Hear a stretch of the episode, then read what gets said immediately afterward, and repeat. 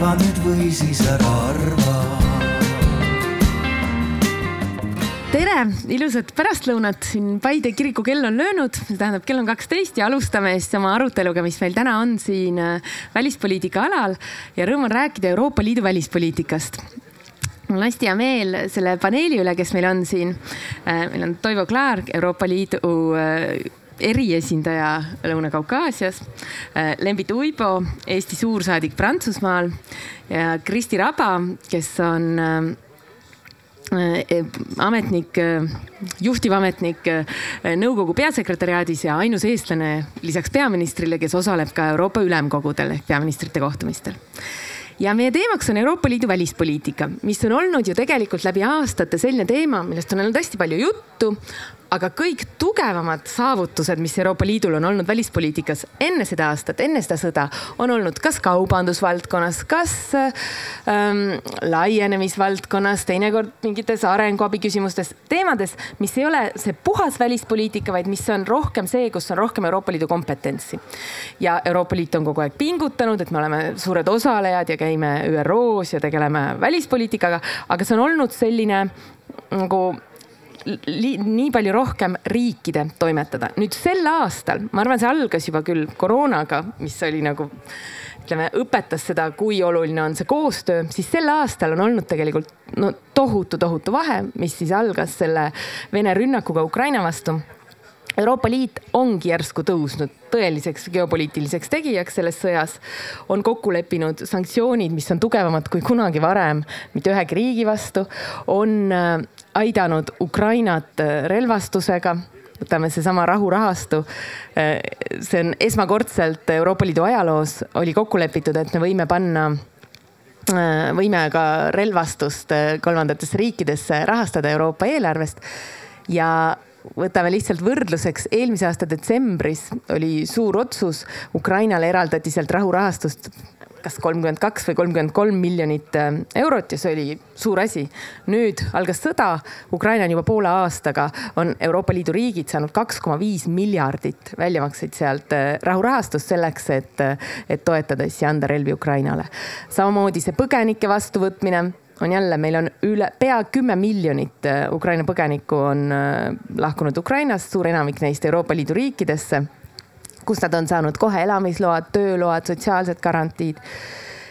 ja, ja nii edasi, et see, see, kui ruttu Euroopa Liit tegelikult suutis ennast mobiliseerida ja tehes asju, mille peale noh, aasta alguses isegi veel märtsis ei oleks mitte keegi uskunud, et tuleb see otsus anda äh, Ukrainale kandidaadi staatus, anda ka Gruusiale ja Moldovale samad need perspektiivid. see on, see on olnud nagu tohutu, tohutu muutus ja, ja sellest me siin kavatsemegi rääkida, et kuidas nii, kuidas edasi ja kuidas nii, et Euroopa Liit saaks seda siis nagu kapitaliseerida ka muudes valdkondades. nüüd, kuna Euroopa Liit siin poliitiline tegija, aga on ka ikkagi üsna bürokraatlik äh, olemus, kui me vaatame seda Brüsselis. Toivo, sinul on see haruldane kogemus, et sa oled äh, seal Euroopa välisteenistuses praktiliselt selle sünnist saadik. et kas räägid meile, kuidas näed, sest kui me tuletame meelde korras Euroopa Liidu välisteenistus, eks ole, loodi kaks tuhat üheksa, kümme, kaks tuhat üksteist ja ta toob kokku nii euroametnikud institutsioonidest kui riikide äh, diplomaadid, et kuidas see toimib ja kuidas sa oled näinud seda muutust nüüd üle kümne aastaga? Nii, aitäh. Ja tore on siin olla, aga natukene, natukene vales riietus olen, nagu ma, et, äh, et suvisel ajal, aga, aga jah, see, see, see Euroopa välispoliitika ja Euroopa kui välispoliitika tegija on tegelikult kasvanud ju üle, läbi aastate. Ja, ja üks suur otsus oli tõesti see, et luua Euroopa välisteenistus. ootused olid võib-olla alguses kindlasti suuremad kui, kui see, mis sellest välja tuli esialgu. kui mina alustasin kaks tuhat kümme selle, selles meeskonnas, kes, mis siis lõi seda välisteenistust, siis meie lootus oli, et me saame tegelikult kogu välispoliitika nii-öelda kompetentsi selle ühe teenistuse alla. mis äh, tähendab, et, äh, et on üks äh, nii-öelda Euroopa Välisministeerium, mis haarab enda alla siis nii Euroopa Liidu Nõukogu ressursid, Euroopa Komisjoni ressursid, aga ka väga olulisel määral liikmesriikide ressursid. ja, ja jutt oli siis äh, ka sellest, et tegelikult äh, ja oli, oli äh, loendamatuid uuringuid sellest, et kui palju võiksid nagu liikmesriigid vähendada oma diplomaatilisi teenistusi ja kuivõrd nad saaksid suunata neid ressursse ümber siis sinna Euroopa välisteenistusse. Noh, need lootused täitsa ei täitunud, sellepärast et lõppkokkuvõttes olid nii liikmesriigid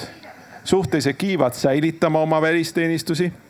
Äh, väiksemad liikmesriigid võib-olla natuke vähem kui suured, aga ikkagi enamus tahtsid enda liik-, enda välisteenistusi samas mahus säilitada ja luua lisaks Euroopa Liidu välisteenistus samamoodi ka komisjon ei tahtnud loobuda kõikidest nendest äh, välispoliitika äh, hoovadest, mis tal, mis tal oli. Ja, ja ka äh, nõukogu sekretäriaat ei tahtnud nagu kõik, kõik üle anda sellele uuele välisteenistusele. nii et, nii et algus, ma ütleksin, oli natukene keeruline. ressursse, ootusi oli palju, aga ressursse oli, oli oluliselt vähem aga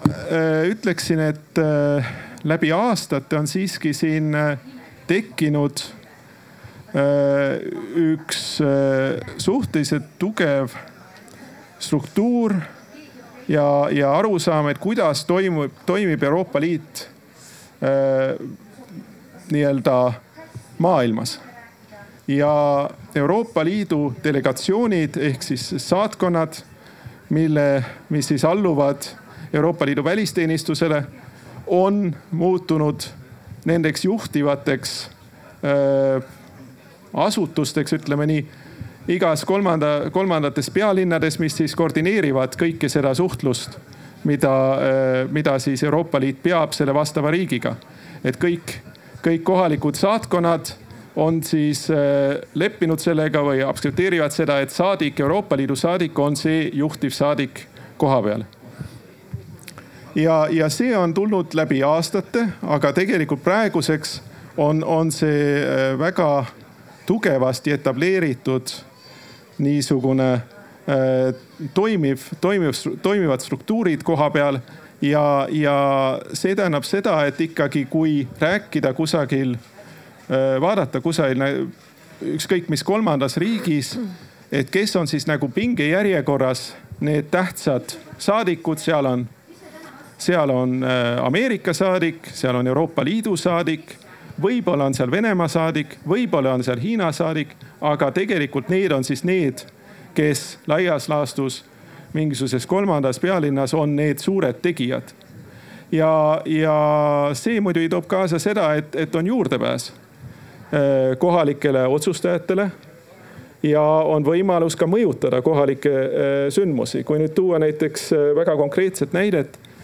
Gruusiast, kus meil on olnud väga palju raskusi tegelikult üle viimaste aastate Gruusia sisepoliitiliste arengutega siis need, kes on seal pidevalt pildil ja on, on selle asja, on selle problemaatikaga tegelenud, on Ameerika saadik ja Euroopa Liidu saadik. kaks saadikut ja siis Euroopa Liidu saadiku selja taga on siis, on, on need on need äh, Euroopa Liidu liikmesriikide saadikud, kes toetavad seda. aga, aga aga see on asi, mis on siis arenenud läbi kümne aasta nüüd, kaheteist või jah, üheteistkümne aasta. ja, ja, ja nüüd, kui Ukraina kriis ja Ukraina sõda tekkis, siis, siis see on andnud veel hoogu juurde, ma usun sellele äh, arusaamale, et meie kui Euroopa Liit peame enda nii-öelda välispoliitilist suhtlust konsolideerima, sellepärast et me näeme ka, et kolmandas et, et laias maailmas ei ole väga lihtne, et meie sõnum kohale jõuaks. väga paljud riigid näiteks maailmas, kui rääkida Ukrainast, ju äh, seal on ebalevad suhtumised, et kas on, kes on siis nagu see, kes, kes tegelikult on süüdi, kes on see, kes tegelikult on, on, on kuidagi äh, agressor või, või, või kes on kannataja. ja, ja mis näitab seda, et kui meie tahame Euroopa Liiduna oma seisukohti kohale saada, siis see tähendab, me peame veel rohkem ja veel tihedamalt koostööd tegema ja, ja, ja kindlustama seda, et, et meie sõnum jääks, jääks seal kostma aitäh, see on muidugi väga õige, tööd peab alati rohkem tegema ja eriti sellistes valdkondades. aga nüüd Kristi, Kristi, sul on ainulaadne töö tõepoolest, seepärast tavaliselt ametnikud ei istu seal ülemkogu saalis, seal istuvad peaministrid ja arutavad siis seda, kuidas seda Euroopa Liidu nüüd eriti viimasel ajal välispoliitikat siis äh, tugevamini ellu viia, mis on need otsused, mis me ühiselt teeme. räägi meil natuke selle telgitagustest, kuidas sa oled näinud nüüd eriti just siis selle aastaga kõiki neid muutusi? aitäh, tere ka minu poolt ähm,. kostab, kuuleb ähm,. saalis ma küll olen siiski bürokraadina ja kulisside taga, mitte otsustajana, aga see annab tõepoolest sellise huvitava vaatepunkti Euroopa Liidu välispoliitika kujunemine on üks väga keeruline protsess ja Toivo juba siin mainis, kui, kui keeruline see on, et on kakskümmend seitse riiki, on kakskümmend seitse välisministrit, lisaks on kakskümmend seitse riigijuhti samuti on Euroopa Liidu välisteenistus, kelle juht, kõrge esindaja on siis ka lisaks komisjoni asepresident, samuti komisjoni president ise on väga aktiivne välispoliitilisel areenil, samuti Euroopa Ülemkogu president. Nii et see kõik on kokku üsna keeruline. Ja ütleme, et see strateegiline, äh, strateegilised juhised välispoliitika jaoks tulevad siis ülemkogu poolt riigijuhtide laua tagant. ja kahekümne seitsme riigiga muidugi on vältimatu, et on erinevad huvid, erinevad naabrid, erinevad teemad, mida üks või teine riik oluliseks peab. ja selles mõttes on tõesti väga keeruline äh, saavutada seda ühtsust nüüd, mis äh, viimase kuue kuu jooksul oleme näinud, tahaksin kindlasti ära mainida, et Euroopa Liit tegutses äh, Ukraina sõja puhkedes väga kiiresti ja väga ühtselt. Esimesed, esimese nädala jooksul tuli esimene sanktsioonipakett ja kohe alustati tööd teise sanktsioonipaketi kallal. kokku on praeguseks neid sanktsioonipakette juba seitse kuid lisaks sanktsioonipakettidele ka muud meetmed Ukraina toetuseks, relvaabi, rahaline abi Äh, humanitaarabi, toetused põgenikele, samuti äh, abi sõjakuritegude uurimisel. ja põhimõtteliselt kogu Euroopa Liit mobiliseeris kõik vahendid, et toetada Ukrainat ja see toimus ka erinevate sektorite kaupa, see ei olnud ainult liidrite tasandil äh,. erinevatel ministrite kohtumisel kutsuti osalema Ukraina liidrid, Ukraina ministrid ja küsiti ka konkreetselt nende käest, et milline on olukord ja mida teil vaja on ja kuidas me saame aidata erinevates sektorites. ja siis lähtuvalt sellest äh, ka viidi ellu need meetmed Euroopa Liidu tasandil. et ütleme, et see kiirus ja ühtsus on kindlasti midagi mida tavaliselt äh, Euroopa Liidule ette heidetakse, et me ei ole kiired ja me ei ole ühtsed aga see viimased kuus kuud on selles mõttes olnud päris äh, murranguline aeg ja sellega koos muidugi on võib-olla süvenev arusaamine, et Euroopa Liit peab tegutsema äh, rohkem strateegiliselt. et ütleme, see mõte sellest, et peab olema strateegilisem, sai juba alguse koroonapandeemiaga, Brexitiga, et see mõtted on kogu aeg seal kuluaarides olnud, aga võib-olla Ukraina sõda võimendas seda veel eriliselt. ja kindlasti nüüd on koht, kus mõelda, kuidas edasi. et ähm, kui näiteks on olukord, äh, kus sellel aastal toimus Euroopa Liidu Aafrika tippkohtumine, kus väga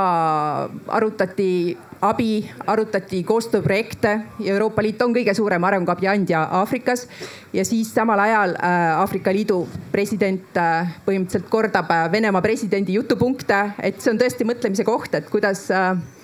kuidas me oleme sellisesse olukorda ennast pannud. Äh, teine asi äh, ja see on muidugi, mida Eesti on Euroopa Liiduga liitumise ajast saadik öelnud, et äh, Euroopa Liidu Venemaa poliitika on ehk olnud võib-olla natuke liiga naiivne. et ja see arusaamine hakkab osadele riikidele alles nüüd kohale jõudma ja Eesti muidugi on korranud seda juba viimased kaheksateist aastat, aga, aga paljudele riikidele jõudis see siiski alles kohale, kui, kui kui sõda algas, et äh, Venemaa ei ole partner nagu iga teine, Venemaa ei ole pragmaatiline läbirääkimispartner, kellega saab rääkida ja arutada koostööprojekte. Et, äh, et see teadmine on äh, ikkagi kohale jõudnud väga karmi hinnaga, aga siiski. jah aga jah, nii edasi, ühtsusest me räägime veel. aga Lembit, sinul on samamoodi väga ainulaadne vaade, et sa oled olnud nii pikka aega Eesti diplomaat, siis kui oli Eesti eesistumine, siis sa olid Brüsselis ja olid seal just nimelt selle välispoliitika peal aga nüüd oled sa olnud Eesti suursaadik Pariisis ja see Prantsuse eesistumine, noh Brüsselist vaadata, ma nüüd küll ei olnud Brüsselis enam siis Prantsuse eesistumise ajal ja oli päris tore siin Tallinnas olla, arvestades seda tempot, mida need prantslased seal üles sättisid, et see surve, mis Prantsusmaalt tuli, oli meeletu, mitte ainult noh, ma räägin välispoliitikas, aga kõigis failides, et see, kui intensiivselt nad töötasid, kui palju nad äh, asju läbi surusid tegelikult et see oli väga muljetavaldav, et kuidas sa näed seda nüüd olles olnud Pariisis äh, juba varsti aasta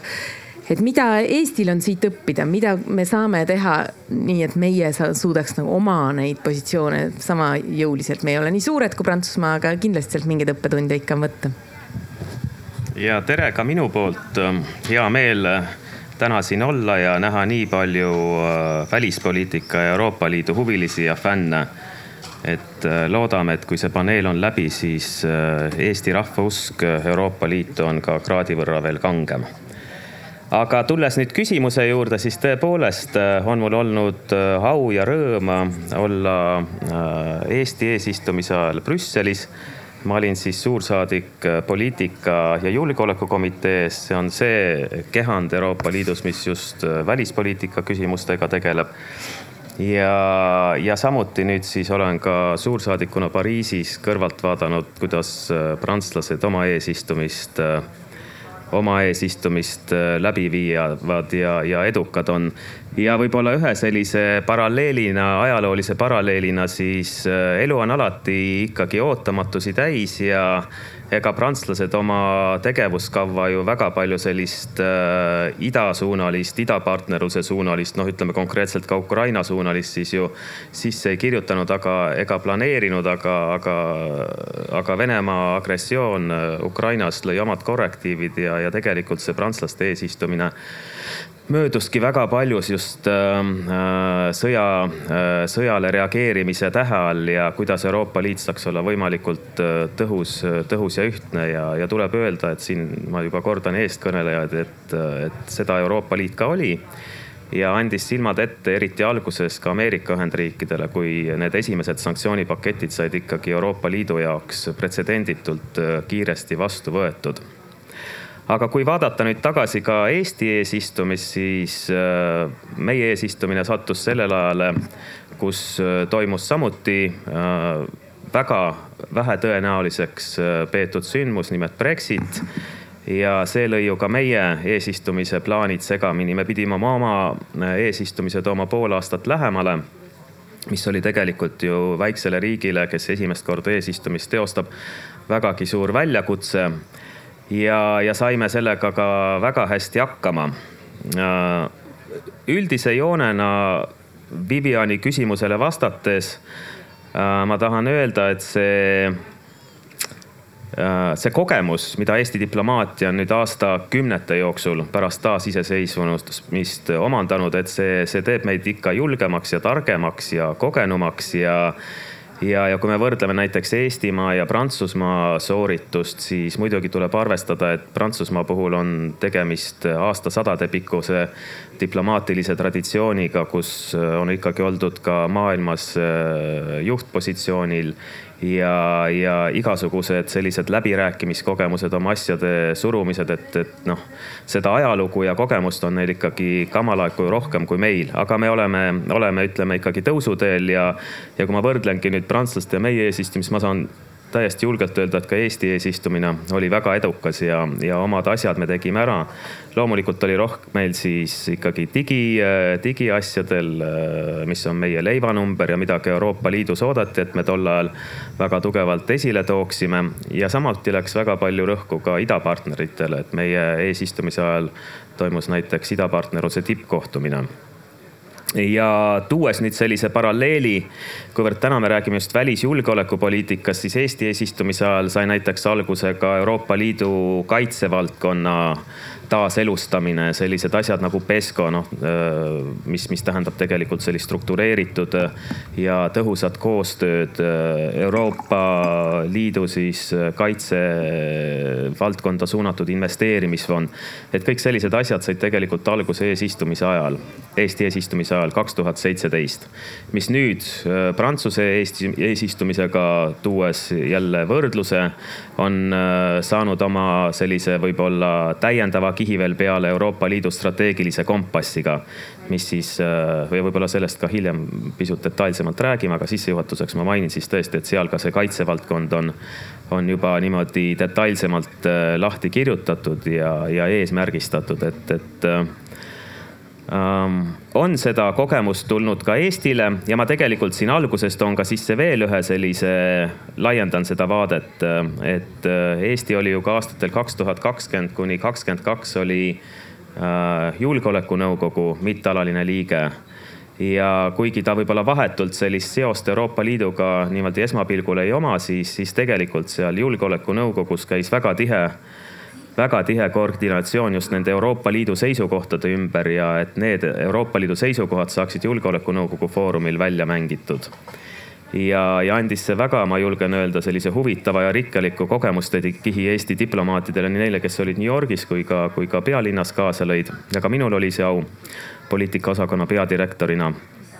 selles väga huvitavas protsessis osaleda. ma vaatan, et Sven Jürgenson siin istub meil siin äh, kõrval minult paremat kätt oma äh, lendaval vaibal ja, ja kuulab äh, tähelepanelikult. naudib pärast seda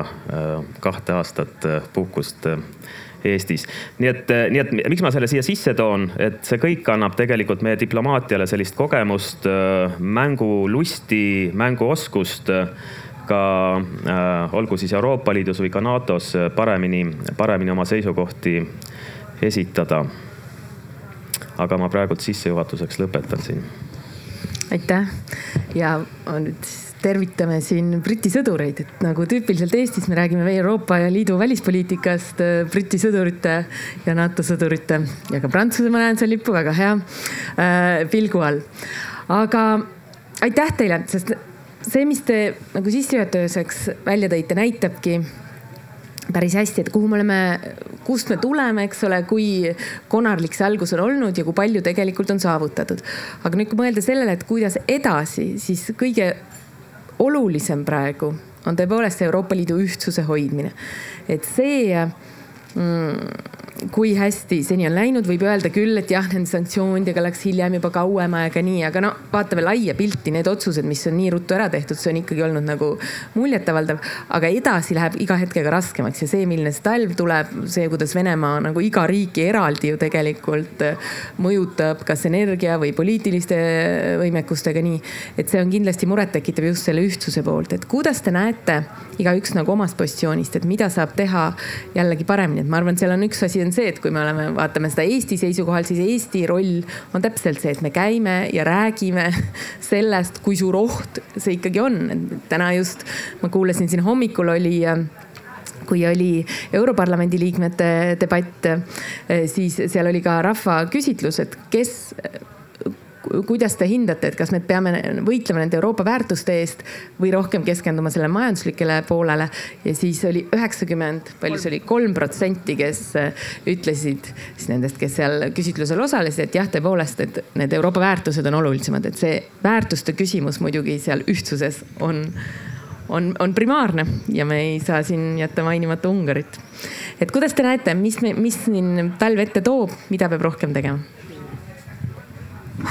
Mina siiski vaataksin seda natuke, no ma vaataksin oma mätta otsast, mis on siis, ma, ma tegelen Lõuna-Kaukaasiaga ja, ja kõige enam praegusel hetkel ma tegelen Armeenia, Aserbaidžaani rahuteemadega. ja,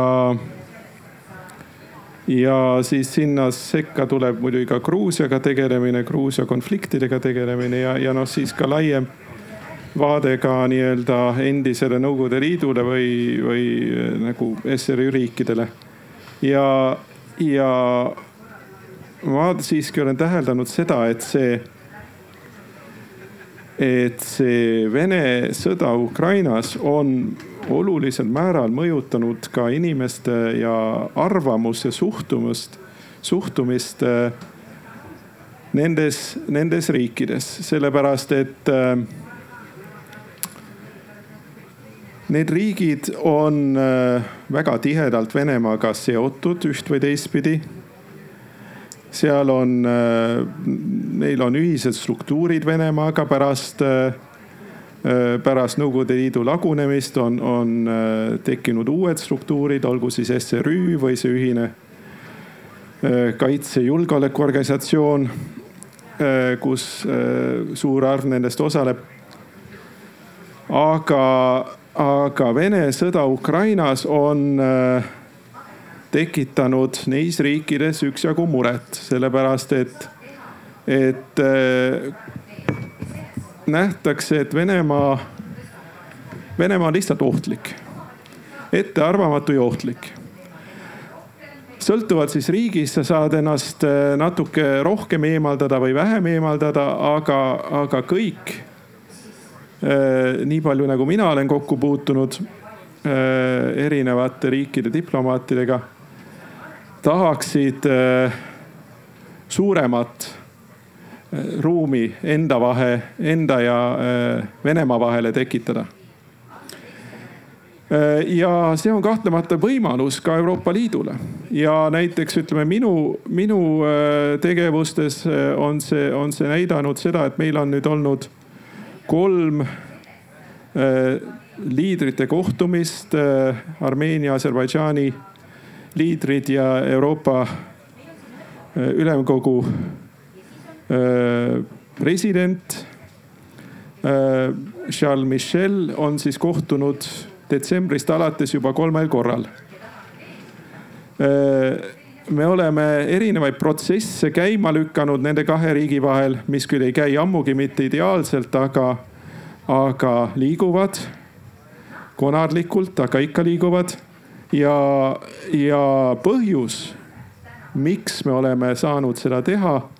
on ka paljuski tänu sellele, et need riigid tahavad, et Euroopa Liit oleks rohkem aktiivne selles piirkonnas. Ja samamoodi seda kuuleb ka Kesk-Aasiast. et ja seda on kuulnud, oleme kuulnud tegelikult aastaid juba, aga nüüd veel rohkem, et, et me tahame, et Euroopa Liit oleks aktiivsem. sellepärast me ei taha olla üksinda Venemaaga. Ameerika on keeruline. Ameerika on keeruline sellepärast, et noh, niipea kui ameeriklased seal väga aktiivseks muutuvad kusagil, siis venelased muutuvad ülinärviliseks.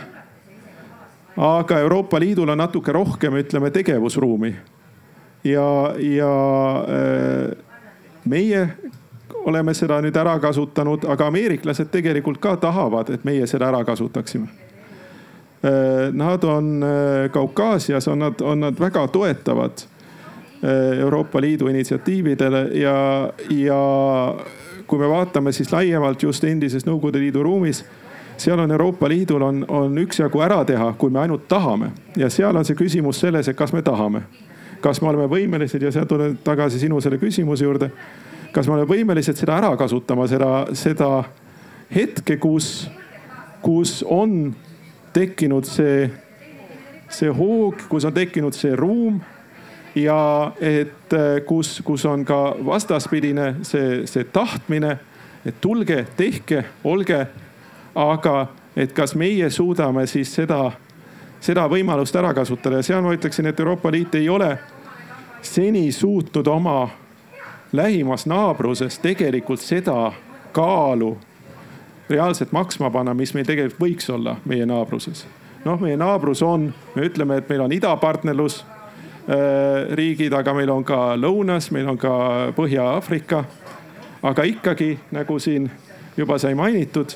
me kuuleme igasuguseid kummalisi kommentaare, mis jälle kajastavad kuidagi Venemaa seisukohti ühes või teises kohas.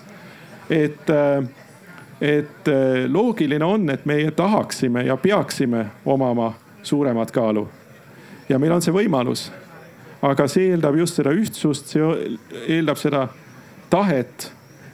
kasutada ära seda momentumit ja panustada ja, ja panustada ressurssidega sellesse, et, et, et tõesti kujundada seda naabruskonda niisuguseks, nagu meie seda tahame. ja, ja ma arvan, siin on kohe läheme panelistidega edasi, aga ma arvan, et siin on hästi suur roll ka sellel, et Ida-Euroopa riigid Euroopa Liidus tegelikult oleksid ka aktiivsemad. et kui me mõtleme ju selle peale, et seesama, hea küll, nüüd on äh, ülemkogu juhataja Charles Michel tõesti, kes on selle teemaks võtnud. aga, aga samas võtamegi nagu Lembit ütles, see oli Eesti, kes korraldas idapartnerluse tippkohtumise, see, et seda kogu aeg ajada. nüüd võib-olla on see tõesti selgem seoses sõjaga, et see Ida-Euroopa on kõigile väga oluline koht. aga siin on just nende meie staatusekaaslastele suur roll teha rohkem tööd. aga Kristi, kas sa jätkad selle ühtsusega? jah, ma arvan, et sul on selles osas õigus, et Eesti on tõesti teinud väga tublit tööd, et hoida seda Ukraina teemat juba enne sõja vallapuhkemist väga aktiivselt. ja ka nüüd, kus on tekkinud võib-olla natukene selline väsimus ja muud teemad, siis ikkagi Eesti koos äh,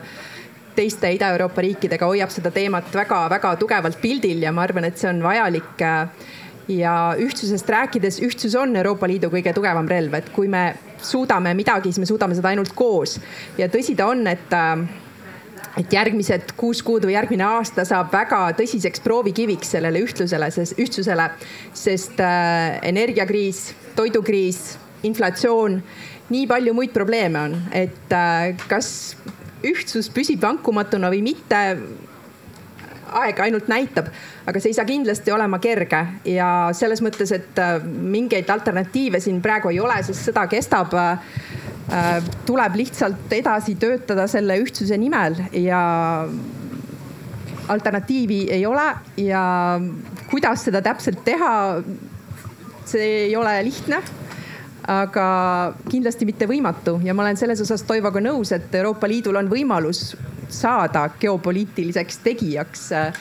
et äh, aga Euroopa Liit on suur struktuur, kus iga muutus võtab aega, et äh,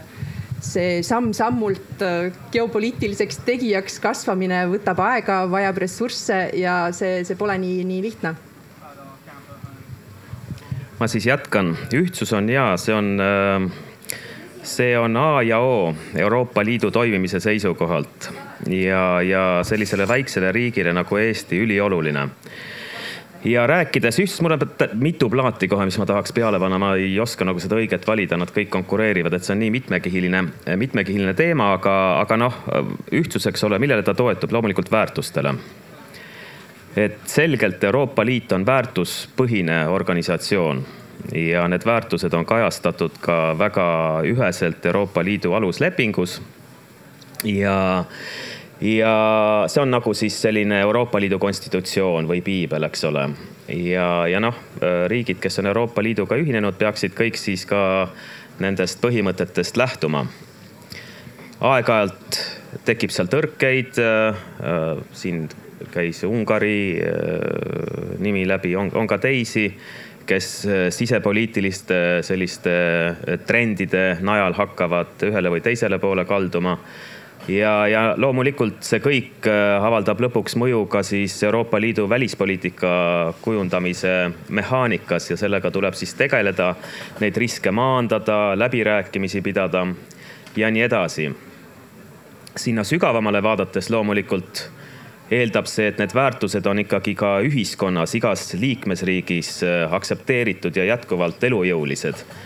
ja, ja kui me vaatame ka Eesti viimaste aastate sisepoliitilisi trende, siis me näeme, et, et ka meil on neid huvitavaid võnkumisi olnud kus, kus ka parajalt äh, isegi ühiskonna lõhestumisest saab rääkida ja, ja võib-olla mingitest äh, traditsioonilistest väärtustest, mida me aastaid hoidsime, siis mõneks ajaks ka nagu ka Eesti puhul tuli tõdeda, et me päris äh, nii-öelda põhjamaiselt siis äh, Äh, Vivian, sa panid meid Ida-Euroopa äh, riikide hulka vist. aga, aga eks me oleme alati pürginud ikkagi sinna põhja, Põhjala poole ja tahame ennast ka äh, Põhja, Põhja-Euroopa riigina defineerida. vot seda, ka seda põhja-euroopalikku võib-olla pehmet väärtuskultuuri ei õnnestunud meil ka võib-olla mõnda aega nii, nii tõhusalt esile tuua, kui, kui oleks tahtnud. nii et noh, see on meie näide meie enda puhul, et see, et see nagu ühtsuse, väärtuse nii-öelda kude, et see, et see koos toimiks, et see on tegelikult väga-väga keeruline ja mitmekihiline protsess. Ja ma lisan siia veel ka ühe Euroopa Liidu ülese globaalse äh, kihis on siis selline lääneriikide kollektiivne koos tegutsemine ja, ja ka siin on tuua näide, kus tegelikult see mingi aeg väga tugevalt lonkas. Nimelt siis, kui Ameerika Ühendriikides oli president äh, Trump äh, võimul, siis me nägime seda väga harjumuspäratut olukorda, kus Ameerika Ühendriigid ka sellest äh, multilateraalsest, mis läänel on tegelikult ju edu taganud, sellest süsteemist hakkasid taganema, välja astuma erinevatest organisatsioonidest, lepingulistest instrumentidest, mis väga palju jällegi Euroopa Liidus peavalu põhjustas ja, ja Eesti roll tegelikult ka nendel väga rasketel aegadel, ma julgen öelda välispoliitik, meie välispoliitika jaoks, mis äh, sattus samal ajal ka meie julgeolekunõukogu liikmelisusega, ikkagi oli jätkuvalt hoida seda instinkti, et, et selle jaoks, et läänemaailm suudaks selles geopoliitilises äh, renessansis nii-öelda ellu jääda, selle jaoks on ikkagi A ja on Euroopa Liidu ja Ameerika Ühendriikide selline silla ja koostöö tugevus ja, ja, ja noh, nüüd me näeme, et see asi on ikkagi sinna õigele rajale, meie soodsale, meile soodsale rajale tagasi, tagasi nihkunud ja Euroopa Liidu ja ka Ameerika Ühendriikide vaheline suhtlus on ikka väga, väga tugevalt paranenud ja, ja paljuski siin on muidugi ka põhjust, eks ole, sellel samal sõjal, sõjal Ukrainas, Hiina esiletõusul, aga ka loomulikult Äh, siis ka äh, võimuvahetusega seoses äh, Ameerika Ühendriikides, nii et jah, neid komponente on palju ja, ja lõpuks nad kõik kokku peaksidki andma sellise lääne ühtsuse, et, et tõesti seda meie väärtusruumi kaitsta Lembit, sulle omasel moel sa nagu tea, mille pla, le pied dans le plat, et sa kohe asusid, tõid välja selle kõige suurema valukoha, mis meil on tegelikult, kui me vaatame seda Euroopa Liidu välispoliitika arengut, siis ongi see suhe Ameerika Ühendriikidega. et me oleme kõik aeg alates teisest maailmasõjast olnud niivõrd ühtsed ka seal ja töötanud käsikäes. Ja seal vahel need Trumpi aastad on ju see, mis tegelikult äh, andis jõudu Prantsusmaa jutule strateegilisest autonoomiast, sellest, et on vaja teha ähm, siin Euroopas endas äh, kasvatada neid võimekusi. Ja see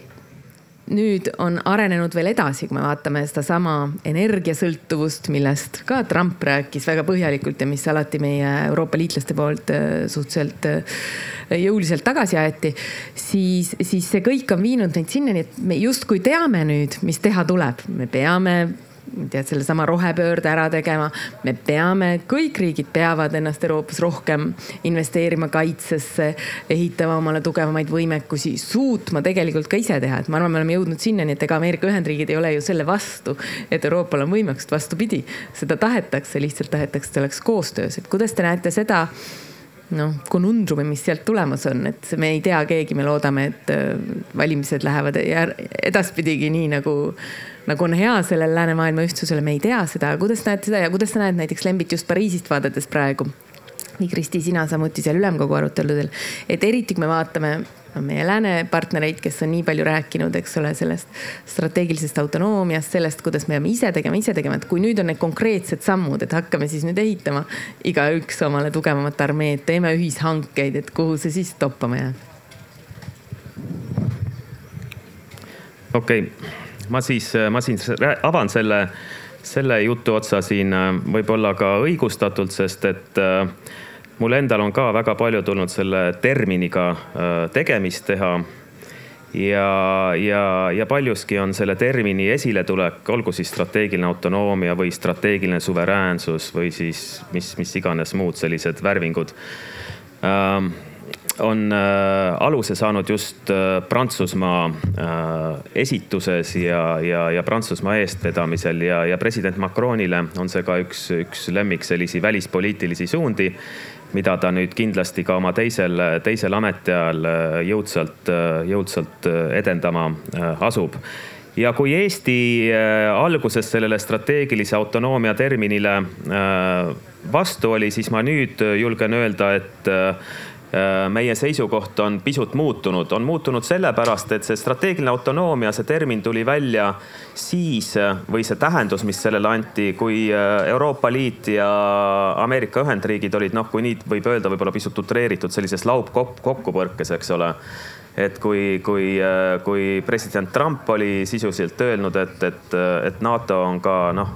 mõttetu organisatsioon ja kui meil tekkisid kõigil sellised võbinad, et kuidas siis nüüd NATO-ga edasi saab, kui Ameerika Ühendriikide president sellist suhtumist üles näitab, siis muidugi Prantsusmaalt tuli kohe vastusena äh, lähenemine, et äh, võib-olla me ei saagi enam nii väga Ameerika kohalolule Euroopas loota üldse NATO, NATO sellisele Äh, äh,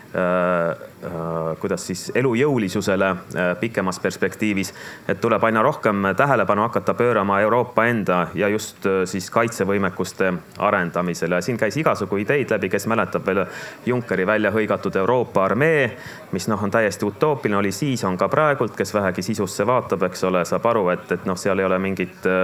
mingit nagu ainest selliseks terminoloogiaks, aga ikkagi Äh, selline, selline retoorika paratamatult äh, hakkas ka siis meie julgeoleku välispoliitilisi huve negatiivselt riivama, seepärast et nagu ma juba alguses ütlesin, siis meile ikkagi ülioluline on see transat-, transatlantiline ühtsus ja, ja, ja olles Venemaaga naaberriik ka NATO kui äh, kollektiivkaitse siis ainsa äh, tagaja elujõulisus. Äh, nii et alguses meie, meie nagu poliitika ja joon oli siis tõesti selline, et me seda sellist, sellist strateegilist autonoomiat, mis,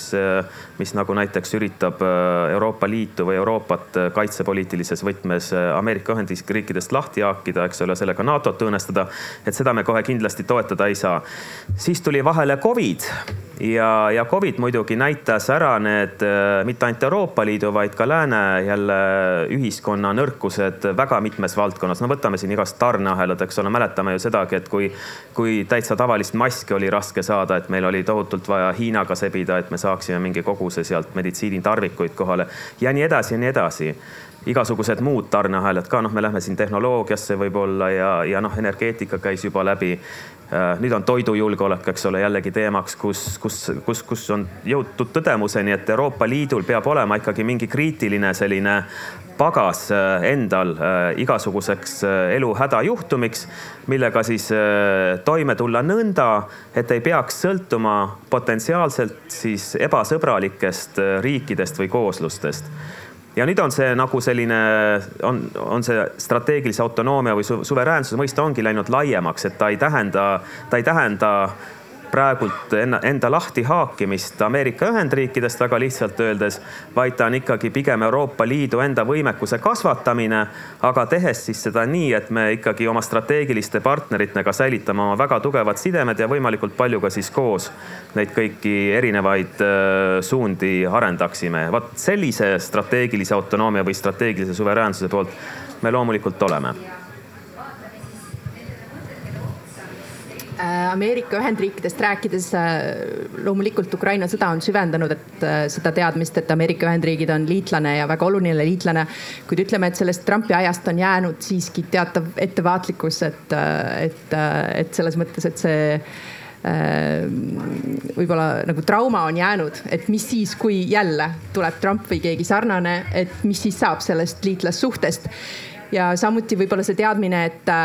et äh, Ameerika Ühendriikidel on siiski ka omad huvid, omad kaubandushuvid, omad ärihuvid, et äh,, et, et see koostöö äh, jah, aga mitte iga hinnaga, et koostöö puhul tuleb silmas pidada just nimelt Euroopa Liidu enda, endi huve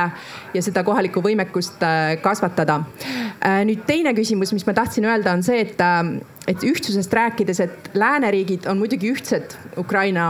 sõjale reageerimises aga mida teeb ülejäänud maailm ja ma arvan, et see Euroopa Liidu ühtsus on oluline ka, kuidas me positsioneerime ennast ülejäänud maailma suhtes. ja äh, meie käitumist, Euroopa Liidu käitumist jälgitakse selles osas väga-väga äh, ette, väga-väga suure tähelepanuga et äh, ma juba mainisin Aafrika ja Aafrika Liiduga toimunud tippkohtumist äh,. samuti oli äh, videokonverents Hiinaga aprillis äh,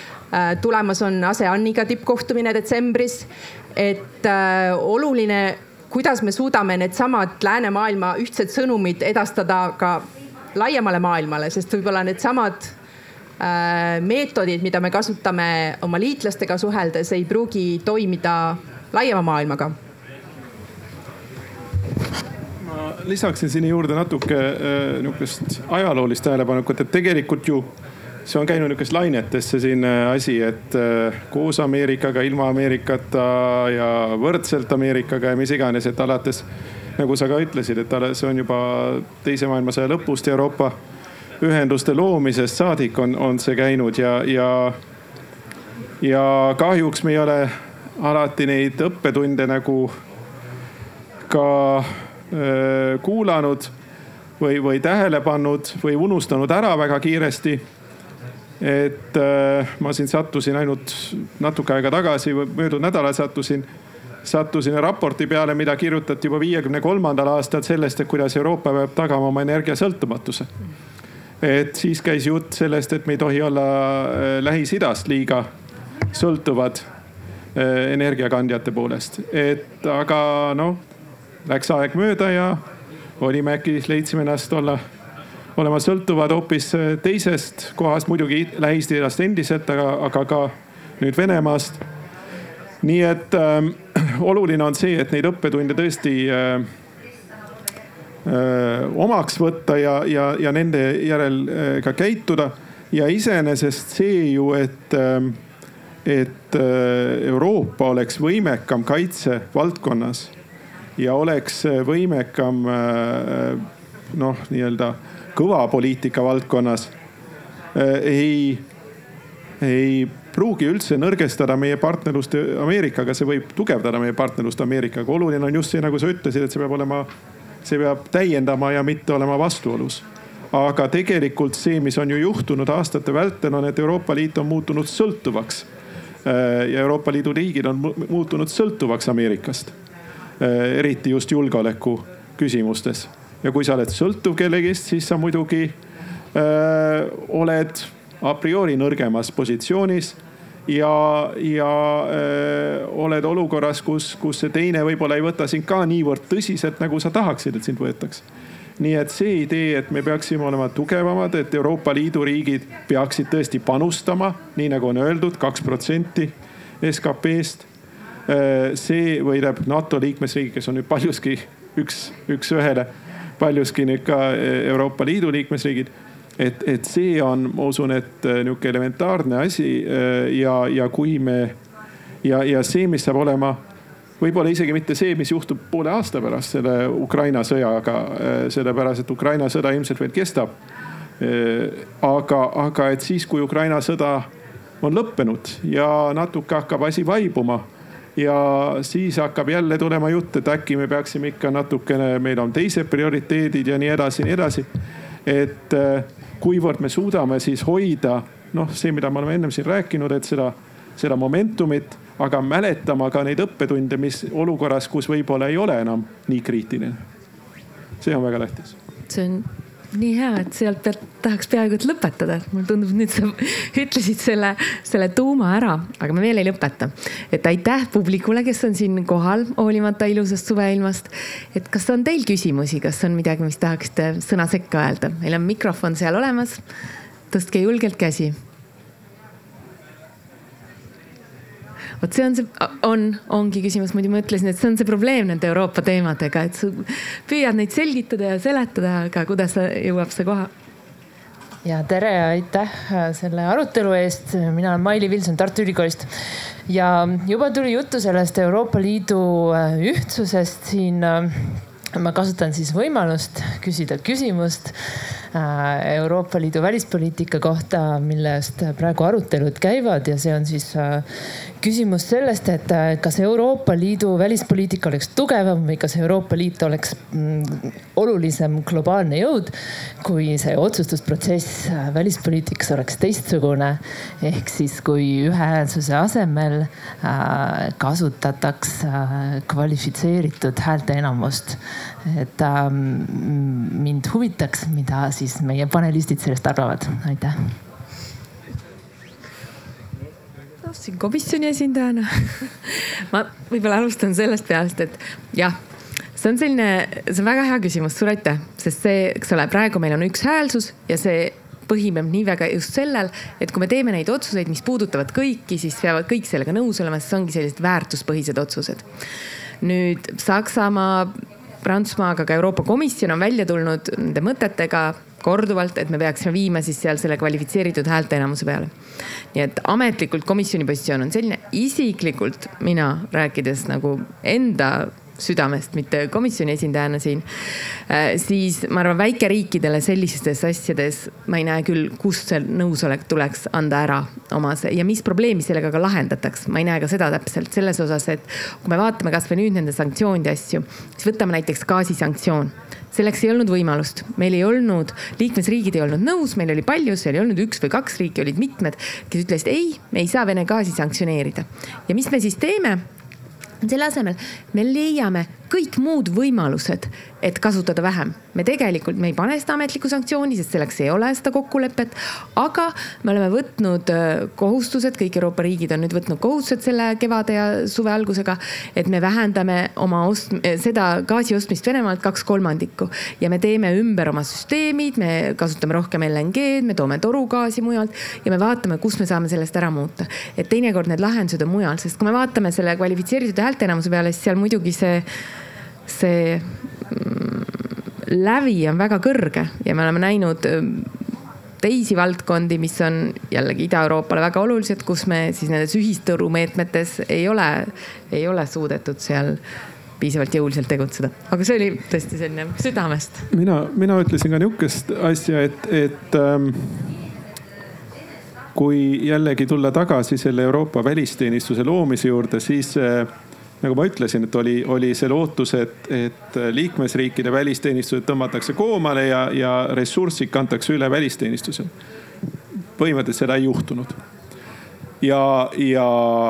kui me vaatame nüüd neid arvusid, siis on tegelikult endiselt Saksa välisministeerium, Prantsuse välisministeerium, Itaalia välisministeerium ja ma usun, et seal võib veel edasi minna selle, selle loeteluga, on suuremad kui kui Euroopa välisteenistus. tegelikult see ei ole üldse loogiline, et kui me tahame, et oleks Euroopa Liidul üks ühtne välisteenistus, siis oleks ju tähtis, et kanda üle sinna ka need inim- ja rahalised ressursid, et, et seal oleks ka nendes Euroopa Liidu saatkondades oleks, oleks äh, piisav äh, inimeste arv, et äh, hallata kõiki neid valdkondi, mida oleks otstarbekas hallata ja, ja ka, et Brüsselis oleks sellel ametkonnal neid ressursse, mida oleks vaja. ja, ja tegelikult äh, ju, kui me vaatame praegu maailmas, ma rääkisin küll, et Euroopa Liidu äh, saadik on, on äh, üks esimeste seas aga ikkagi, kui vaadata saatkondi, Euroopa Liidu saatkond versus Ameerika saatkond, seal ei anna üldse midagi võrrelda. selles mõttes, et Ameerika saatkond on kordades, kui mitte kümnetes kordades suurem üldiselt kui Euroopa Liidu saatkond nii et mina alustaksin sealt, et kui ta, kui hakata rääkima sellest, et, et, et teha nagu paremini välispoliitikat, siis tugevdame neid ühtseid struktuure. et okei okay,, olgu see otsustus, mis on siis see, see äh, liikmesriikide vaheline, see ükshäälsus, mina arvan, et see on see, see viimane asi, mille kallale on vajalik minna. ennem alustame sellest, et struktuurid oleksid tugevamad, mis ajavad seda välispoliitikat Brüsselis. ja see hakkab juba kujundama, see on palju loogilisem ja, ja loomulikum minu jaoks niisugune viis, kuidas kujundada äh, ühtset arusaama sellest, et mis on Euroopa Liidu huvid, sellepärast et see Euroopa välisteenistus vaatab seda asja ikka natuke teise mätta otsas, kui vaadatakse seda Pariisist või Berliinist või Roomast või Spa- või, või Madridist või kus iganes või Tallinnast. aga, aga et, et äh, lähenedes struktuuride tugevdamise teel saame, saame parema tulemuse, kui et hakata siin rääkima sellest, et kuidas mingist ükshäälsusest loobuda, mis, mis tõepoolest ma ei kujuta ette, kuidas, kuidas väikeriigid äh, sellega nõus oleksid ma võib-olla tooksin siinkohal ühe näite, et äh, eelmise aasta oktoobris oli väga tõsiselt laual tippkohtumise korraldamine Venemaaga ja kes selle ära blokeerisid, olid Eesti, Läti, Leedu. kui oleks tegemist olnud kvalifitseeritud häälteenamusega, oleks tulemus arvatavasti teine, nii et selles mõttes ma olen nõus Viviani ja Toivoga, et äh, väikeriigi huve see kindlasti ei, ei, ei, ei teeni, pigem oleks see kasulik suurtele riikidele, kes siis saavad ähm, otsuseid lihtsamini vastu võtta. Ja see oluline on ka see, et kui ühehäälselt võetakse otsused vastu, siis äh, kõik on selle otsuse taga. Nii et võib-olla see ei ole nii tugev otsus, kui ta oleks, aga vähemalt kõik on selle taga ja kõik viivad seda ellu. ja kindlasti ähm, näitab Ukraina sõda, et kui vaja, siis Euroopa Liit suudab neid otsuseid ka ühehäälselt vastu võtta. Et selleks on vaja pingutusi, aga kui, kui tulemuseks on see, et kõik liikmesriigid on selle otsuse taga, siis ma arvan, et see tuleb kokkuvõttes rohkem kasuks, isegi kui see otsuse vastuvõtmine on, on, on pikem ja mõnes mõttes piinarikkam jah, see on üks äh, väga huvitav küsimus ja, ja ma praktilisel tasandil olen ka sellega pidanud ikka mitu aastat tegelema, need äh, äh, selle välispoliitika ühehäälsuse lauale tulemine paljuski on seotud ikkagi ühe konkreetse liikmesriigi, no võib-olla kahe-kolme, aga, aga vast ühe, kelle nimi siit juba läbi käis, mitte väga konstruktiivse käitumisega. ma ise, olles Brüsselis äh, neli aastat äh, laua taga ka väga sageli seda kogesin ja pean tunnistama, et see oli väga frustreeriv kogemus kus äh, lihtsalt, äh, kui kõik on juba kokkuleppele jõudnud, siis üks liikmesriik jääb venitama, mis tähendab, kui sa oled diplomaat seal, siis sa istud seal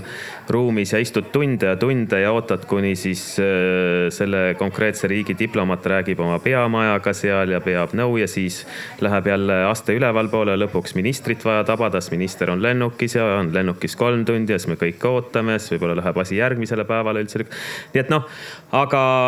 nii et, et ütleme, selline, need praktilised, eks ole, sellised äh, elukäigud, äh, muudatused on, on, on just need aspektid, mis panevad äh, sellistele asjadele mõtlema.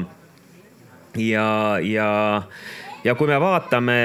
Euroopa Liidu evolutsiooni läbi aastakümnete, eks ole, siis me praegult oleme selles integratsiooniprotsessis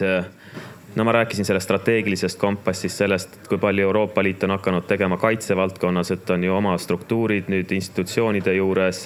konkreetselt miljardeid eurosid suunatakse kaitsevõimete arendamisesse, eks ole et, et on jõudnud sinna liikmesriikide sellise suveräänsuse nagu südame juurde, jah.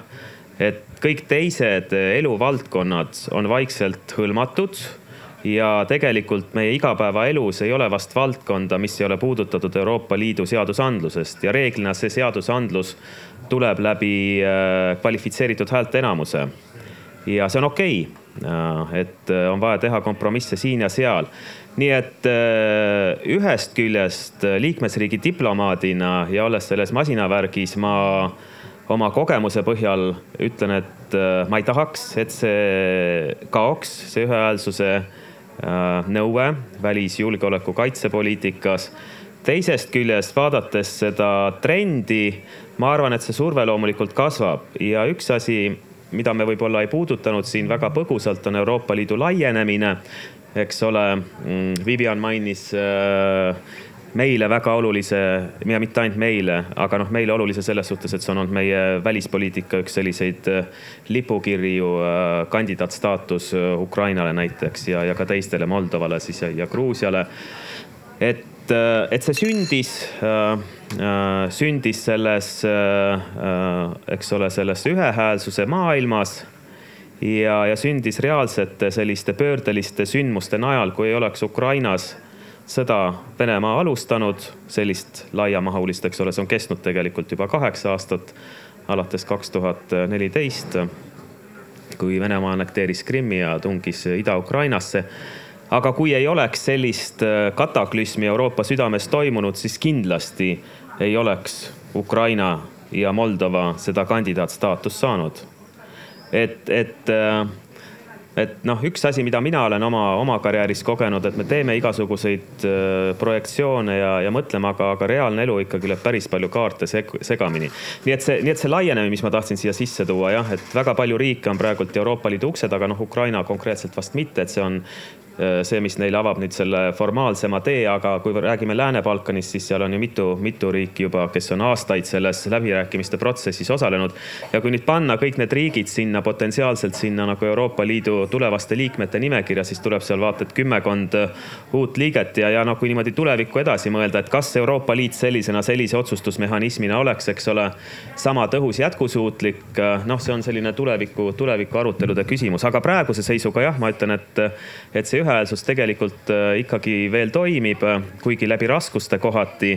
ja, ja kindlasti ka sellisele väiksele riigile nagu Eesti on ta, on ta tegelikult oluline on kuulda, et see lähetus Pariisis juba avaldab oma mõju. aga sa viitasid nüüd mitu korda juba strateegilisele kompassile, et seleta siis see korra lahti ka, et mis see täpselt on, siis oleme katnud ka olulise osa selle aasta sellest saavutustest. sellest võikski rääkima jääda, aga lühidalt. ei, seda mitte, lühidalt. ja, ja väga lühidalt öeldes on see siis dokument, mis on nüüd koondanud äh, kogu sellise Euroopa Liidu välis, julge, kaitsepoliitika sellise tegevuskava ühte dokumenti Äh, pannud sinna juurde ka esimest korda kusjuures ja jällegi see ma mingil määral ma arvan, et see seostub ka selle ühehäälsuse jutuga, ohuhinnangu. Et äh, tegelikult meil on kõigil ju erinevad ajaloolised kogemused, erinevad diplomaatilised kogemused, erinevad naabrid, äh, nii-öelda oma narratiiv ja kahekümne seitsme liige, liikmesriigi vahel selle kõige selle ohupildi kokkutoomine, see pole sugugi lihtne, eks ole. et meie jaoks on Venemaa selgelt oht, selgelt mõne teise liikmesriigi jaoks mitte, mõni teine tahaks seda Venemaad kuidagi pehmemalt kirjeldada. nüüd loomulikult Ukrainas äh, alanud äh, täiemahuline sõda äh, aitas meil see enda narratiiv läbi suruda, aga noh, kui seda ei oleks olnud, siis kindlasti see ohupilt Venemaa osas oleks olnud pisut teistsugune. nii et, nii et jällegi eh, sellised eksistentsiaalsed, eh, eksistentsiaalsed tunnetused, huvid, eks ole, et nad nagu ühel põrandal kõik kokku saaksid ja, ja arvestatud, eriti väikese riigi puhul. see on siis nagu sinna jälle hüpe sinna, passarell sinna ühehäälsusesse. aga põhimõtteliselt jah, on siis see strateegiline kompass selline dokument, mis eh, kaardistab Euroopa Liidu võime võimekused, äh, edasised tegevused, suunad, programmid, kuidas Euroopa Liit oleks tõhusam äh, välisjulgeoleku areenil, mida tuleb teha, mis on need erinevad komponendid, eks ole, et, et need ilusti kõik kokku tuua. Äh, see masinavärk koos, koos toimima panna, et see on nagu väga-väga lühidalt, mida see strateegiline kompass endast kujutab. aitäh, sest see ongi muidugi ta ja ta on jälle reaalne näide sellest, kus kus kõik nendel sündmustel, noh, kui palju see kõik on mõjutanud, et me vaatame, see strateegiline kompass juba koostati mõnda aega ja see, kuidas ta nüüd muutus selle kevadega, need draftid on täitsa võrreldamatud. aga jõuame sealt ka edasi, strateegiline kompass muidugi ühtepidi peegeldab seda tööd, mis NATO-s on tehtud juba nii pikalt, seda strateegilist kontseptsiooni, mis NATO-s on on, on juba viiekümnendatest kogu aeg jälle ümbertöötamisel ja vaatamisel, millised on need ohud. mis see on, et eks see selles mõttes näitab ka Euroopa Liidu liikumist ähm, sinnapoole, kus, kus see julgeolekupoliitika on, on oluline osa sellest. et kuidas te näete seda Euroopa Liidu, NATO koostööd, me puudutasime seda sellelt poolt, mis oli äh, muidugi läbi Ameerika Ühendriikide, nii nagu see meie jaoks on, aga Brüsselis muidugi see ütleme, mõtlen ka nendes Kaukaasia teemadele. NATO-l on samamoodi eriesindaja Kaukaasias, et kuidas su koostöö temaga näiteks on? ega eriti ei ole, selles mõttes me oleme kokku puutunud paar korda, aga, aga noh, NATO ikkagi ei ole seda. noh, niivõrd-kuivõrd äh, nad seal teevad midagi, siis nad teevad teisi asju et äh, ja, ja eelkõige siis Gruusiaga, et selles mõttes, et, äh, et ähm, kuigi, kuigi äh, ähm, NATO, NATO kolleeg on ka käinud Armeenias, Aserbaidžaanis, aga noh, nagu öeldud, et see, see teemade ring, millega ta tegeleb, on ikka, ikka teistsugune, et see minu, minu jaoks NATO, NATO-ga koostöö, ma olen küll, alguses mõtlesin, et oleks võimalik võib-olla rohkem koostööd teha või suhelda, aga, aga tegelikult selgus, et äh, nii-öelda töö käigus, et ega meie, meie see kokkupuuted väga-väga suured ei ole, et hoiame sidet aeg-ajalt, aga, aga, aga väga ei, väga noh, nagu öeldud, valdkonnad on erinevad. aga aga see, et kuidas noh, Euroopa Liidu ja, ja NATO vaheline koostöö, nagu sa ütled, on, on ju arenenud jõuliselt siin ühiste, ühiste koosolekuteni, ühiste aruteludeni, mida oleks olnud, see oleks olnud täiesti mõeldamatu siin vaid mõned aastad tagasi, nii et selles mõttes see, see ja muidugi nüüd, kui Soome ja Rootsi liituvad NATO-ga, see on veel see, nagu ma ütlesin varem, et tegelikult varsti on või paljuski kattuvad Euroopa Liidu liikmed ja Euro- ja NATO Euroopa liikmed, mõned erinevused seal on ja muidugi üks oluline erinevus on Küpros ja, ja, ja, ja Türgi. et kus, kus on tähtis takistus tihedamale koostööle, et, et nende, nende vaheline suhe ei ole hea. ja, ja see muidugi, see muidugi piirab neid võimalusi, aga aga vaatamata nendele, sellele asjaolule on, on, on see äh, jõuliselt äh, aastate vältel, viimaste aastate vältel edasi arenenud. ja, ja mina usun, et noh, nii nagu siin Lembit ütles, et, et äh, aeg lihtsalt kuidagi, arengud lihtsalt, üks areng toob teise arengu, toob kolmanda ja, ja, ja, ja, ja toimub rohkem ühistööd lihtsalt sellepärast, et, et, et see on vajalik ja, ja see on ratsionaalne. ja jällegi, et kui sul on kõik nagu öeldud, paljuski liikmesriik, liikmes, liikmesus kat, kattub, siis on ju väga ebaratsionaalne teha sama asja kaks korda, vaid et otstarbekam teha seda üks kord ja üritada siis teha nii, et, et see ei riivaks ühe või teise liikmesriigi siis neid punaseid jooni, mis mis nagu öeldud, eriti Küprose ja Türgi küsimuses ikkagi, ikkagi Euroopa Liidu ja NATO vahel, vahelisel koostööl on. aga ma ei tea, äkki sa äh, jah, ma olen täiesti nõus, et see koostöö on selles mõttes hoopis äh, teisel tasandil, kui ta oli paar aastat tagasi ja ütleme, et Euroopa Liidu välisministrite kohtumisel on sagedane külaline NATO peasekretär ja ka mõned äh, teised NATO partnerid, keda nüüd kutsutakse regulaarselt, et need, see koostöö praktilisel tasandil toimib päris hästi. Äh, Türgi, ma lisaks siia ka Kreeka, sest Kreeka ja Türgi vahelised pinged ei ole ka kuhugi kadunud, et, äh, et, et see, kuidas Türgi ennast positsioneerib Ukraina konfliktis, et see on ka väga-väga-väga keeruline teema, et millest võiks pikalt rääkida, aga, aga äh, NATO liikmesriigina muidugi väga tundlik teema jah, mõlemad organisatsioonid, kui nüüd mõelda, Euroopa Liit ja NATO on Eesti iseseisvuse tagajad, kõige olulisemad organisatsioonid. noh, kui ÜRO välja jätta, eks ole, mis äh, kaasab äh, kõiki maailma riike, siis, siis tegelikult Euroopa Liit ja NATO sellised kitsamad äh, liikmesriikide kogumid Eesti iseseisvuse seisukohalt täiesti, täiesti asendamatud. ja, ja meie elulistes huvides on, et äh, mõlemad eraldi muidugi funktsioneeriksid tõhusalt, oleksid äh, jätkusuutlikud ja suudaksid globaalses konkurentsis edukalt toime tulla, aga et ka omavahel omavahel nende koostoime oleks võimalikult, võimalikult sujuv ja, ja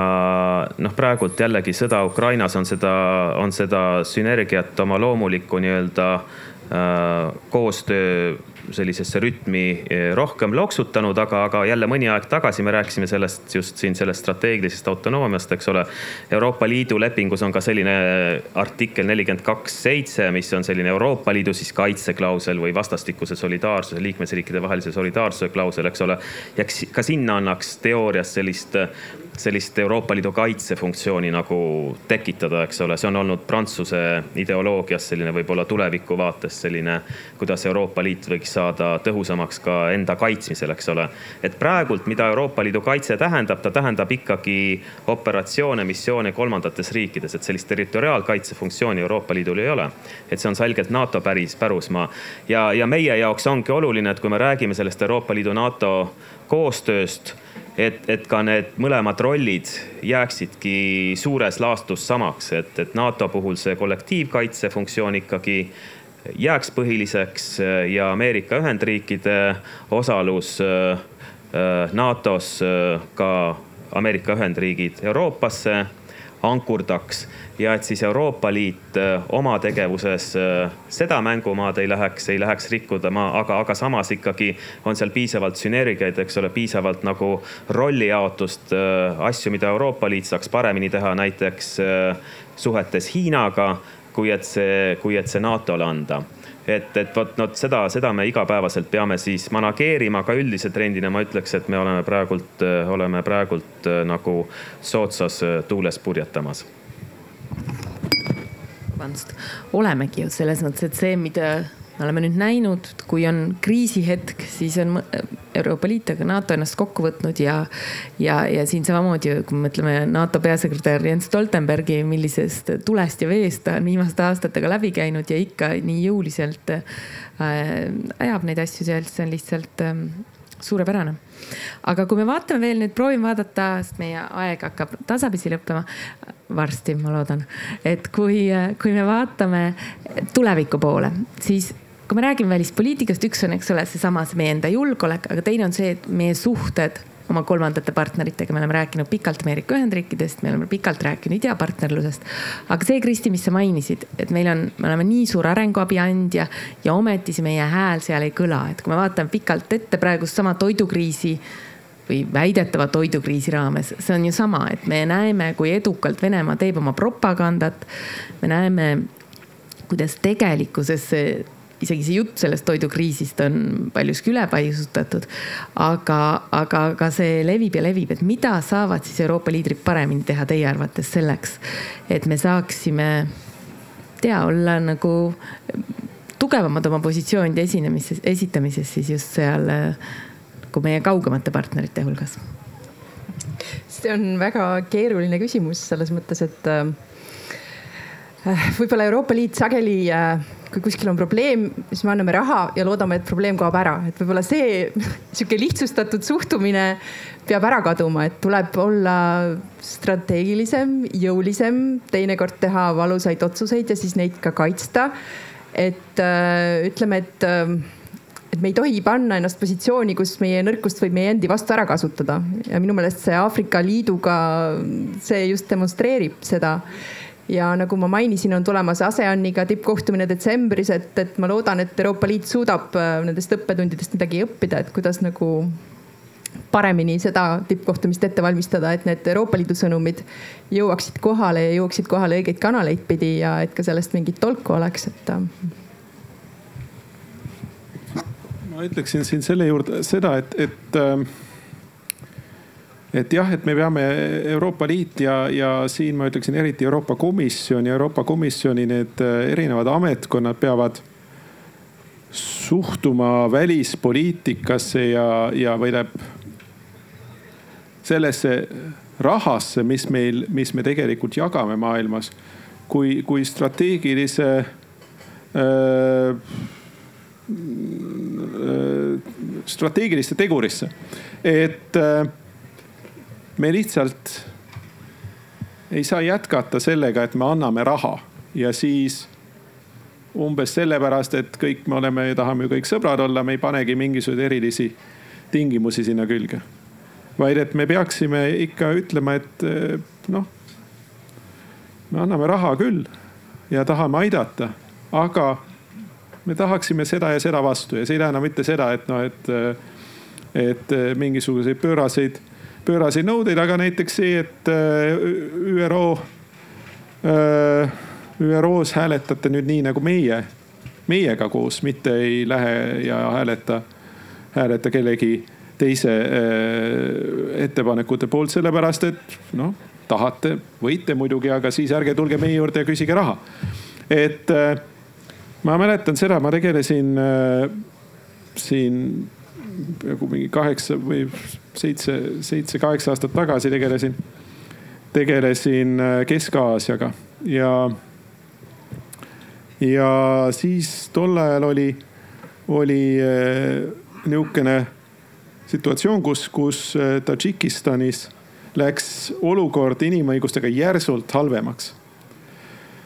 pandi inimesi vangi, keelati ära opositsiooniparteid ja, ja üldiselt oli tõesti oli, oli niisugune märgatav halvenemine. ja no minu äh, ettepanek oli see, et okei okay,, et lähme,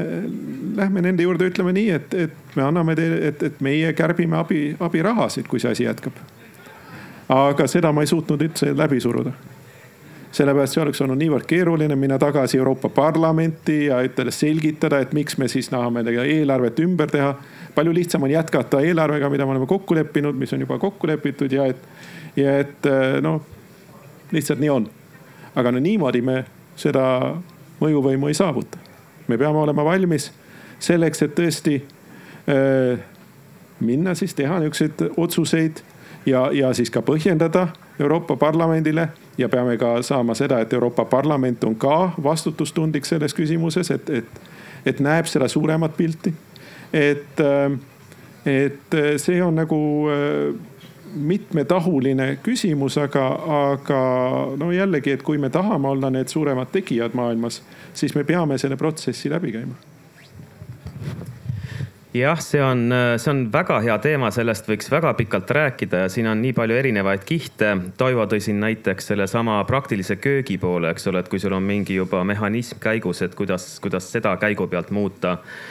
on raske, aga siin on ka jälle selline väärtus või no kuidas üldse maailma nähakse, eks ole, mis on Euroopa Liidu enda kogemus, jah, see multilateralism, väärtuspõhisus, reeglitepärane maailm, eks ole. ja, ja oma välissuhtluses, mis väljendub ka igasuguses abi andmises ja kaubanduses, loomulikult me tahame seda projitseerida ka kolmandate riikide poole ja sinna, sellega peab kaasas käima ka mingi võib-olla naiivsus, kui ma, kui ma nüüd üritaks Eesti klassikuid äh,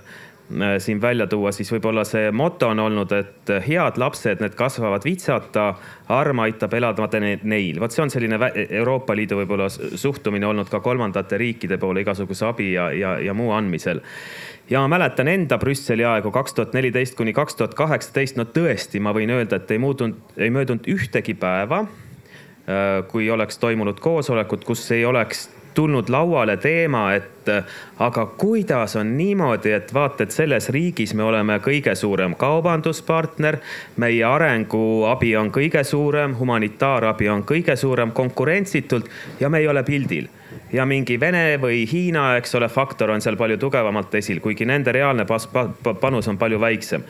ja, ja noh praeguses nii-öelda geopoliitilise tormituultega täidetud maailmas, eks ole, on see küsimus seda, seda enam üleval.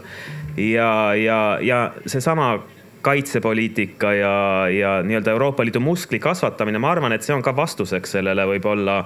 adumusele, et, et selline pehme jõud pelgalt ei tööta, et äh, osade kolmandate riikidega suhtlemisel sul ongi vaja näidata, et, et sellel kooslusel, mille nimeks on Euroopa Liit, et tal ei ole ainult rahakott paks, vaid tegelikult on tal ka mingi võimekus näiteks siirdada viis tuhat meest, mis nüüd on ju sellesama strateegilise kompassiga kokku lepitud, eks ole, kiirreageerimisjõud. et Euroopa Liidul oleks võimekus väga lühikese aja jooksul kuskil mingit kriisi minna reguleerima, oleks oma selline sõjaline komponent. et noh, need asjad on ka seotud, ma arvan, kõik, aga, aga üldine jah, selline paradigma muutus peaks, peaks ka Brüsselis äh, kuidagi toimuma, et see asi ei äh, maailm ei muutu ainult äh, selle pinnalt, kui meie arvame, et meie väärtused on kõige paremad, vaid kohati tuleb olla ka kavalam, tuleb olla selline strateegilisem, nagu siin Kristi mainis ja, ja võib-olla ka jõulisem siis, kui nii öelda. ja ühendada erinevad punktid, sest meil ongi ju see, et meil on ühelt poolt see puhas välispoliitika ja teiselt poolt see, et igal poliitika valdkonnal Euroopa Liidus siseküsimused, justiits, transport, ma ei tea, merendus, keskkond, kliima, kõik, kõik see, mille peale on eh, kõik need erinevad volinikud, seal igalühel on oma see välissuhete mm, temaatika. Ja, ja seal on täpselt nagu sa ütlesid, mis sul oli Tadžikistaniga, siis samamoodi oli, ma mäletan, kui kaks aastat tagasi, kui olid need Valgevene valimised, mis äh, ebademokraatlikult maha suruti täiesti need, siis, siis avastasime, et oi, meil on siin Valgevene mm, piirivalvega on selline piiriülene koostöö, siis see muidugi pandi seisma nagu muud koostööprojektid Valgevenega, aga jällegi, et sellist nagu üldist koordinatsiooni, see on kindlasti asi, mis on väga vajalik. Et vaadata, et seal ähm, teinekord suurest entusiasmist ka ei minda liiga kaugele. aga kas, ma vaatan veel kord publiku poole, kas on teil nüüd tekkinud uusi küsimusi? palun.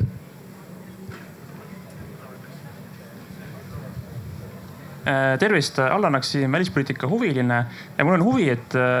et kas teoreetiliselt oleks võimalik Euroopa Liidul nagu arendada välja mingisugused, kas taristu või muud nagu meetmed Äh, mille nagu, äh, no ütleme US, no näiteks nagu USA-s on see nagu strateegiline naftareserv. et iga kord, kui on nagu mingi kõrge nafta hind, panevad selle eile nagu tööle. Äh, midagi natuke nagu muutub naftaturul, aga, aga nagu Euroopa Liidus ma kujutan ette, kas, kas see nagu ei eksisteeri. aga kas nagu mingi nagu ühine nagu noh, kokkulepe, et midagi sihukest nüüd tehakse, isegi kui selle nagu noh, otsuse nagu tegemine, et me seda kasutame, on väga aeglane, pikk, pikaldane, mis iganes. et kas nagu sellist tüüpi asjad on nagu asjad, mida nagu saaks teha üldse? Ikka on, kui me vaatame seesama kõrge elektri hind, kõrge gaasi hind. eelmine aasta ütleme eelmises augustis hakkas gaasi hind vist tõusma hüppeliselt ja, ja see algas ennekõike Lõuna-Euroopas, Hispaanias tuli see probleem esimesena esile eelmine august ja milleni see viis, oli see, et need ettevõtted, riigid ei osta gaasi kokku, need ostavad ettevõtted, need ei täitnud oma neid hoiusteid või kuidas öeldakse, ladustamiskohti ära. mis tähendas seda asja, et talvel oli, oli probleem ja hind tõusis ja nii edasi ja edasi. nüüd, et sellega vastu Euroopa Liit ei osta ise gaasi kokku, aga mis Euroopa Liidu komisjon tegi, tegi ettepaneku, eh, mis võeti ka liikmesriikide poolt vastu, mis pandi kohustuse liikmesriikidele, et nad peavad oma gaasimahutid näiteks nüüd ennem küttehooaja algust, nad peavad olema täidetud kaheksakümne protsendi ulatuses. nii et see on, see on, see on teistpidi kui see, mis te küsisite, aga see viib selle samani välja, et me nägime, et seal on probleem ja me nägime, et see probleem on selline, mis mõjutab kogu Euroopa Liidu konkurentsivõimet. ja seetõttu siis sellele läheneti just niiviisi keskselt ja öeldi, nüüd on see kohustus ja me näeme, et kui see kohustus on seal, siis jah, tõepoolest riigid tegelevad sellega ja vaatavad, et nad saaksid. samamoodi me vaatame, mis noh, see koroona oli hea näide koroonakriis sellest, kuidas Euroopa riigid ju ka, kui me vaatame koroona algust märtsi, piirid kinni, neid isikukaitsevahendeid hakati seal rekvireerima.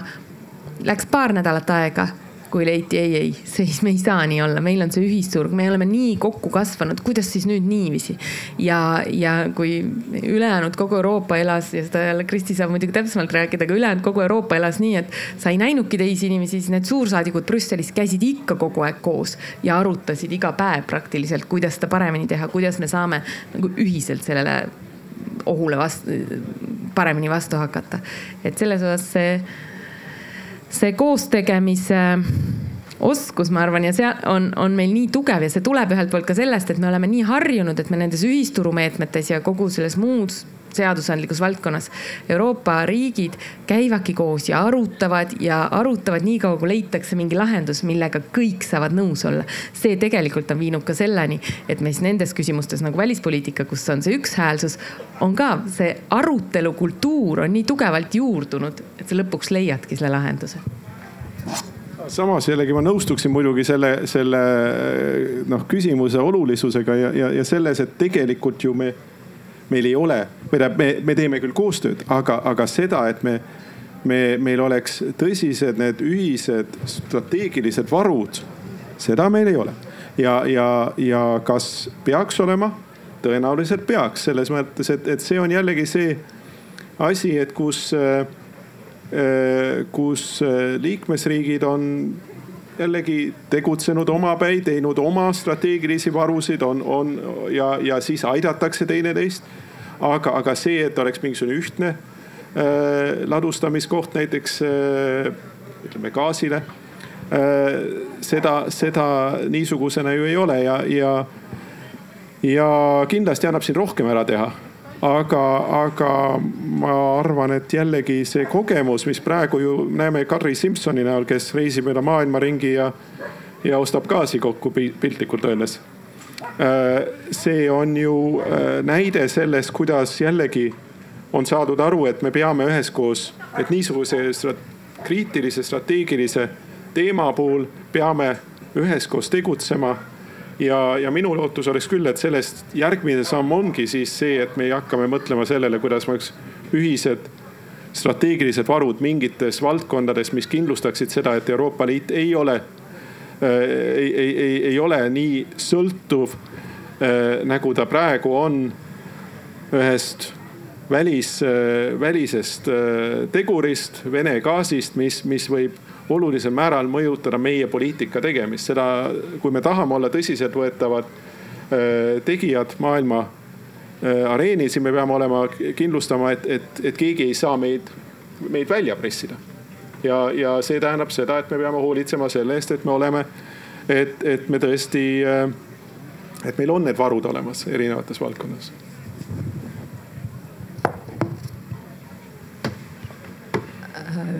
jah, ma arvan, et nii koroonapandeemia kui ka energiakriis on, on võimalused äh,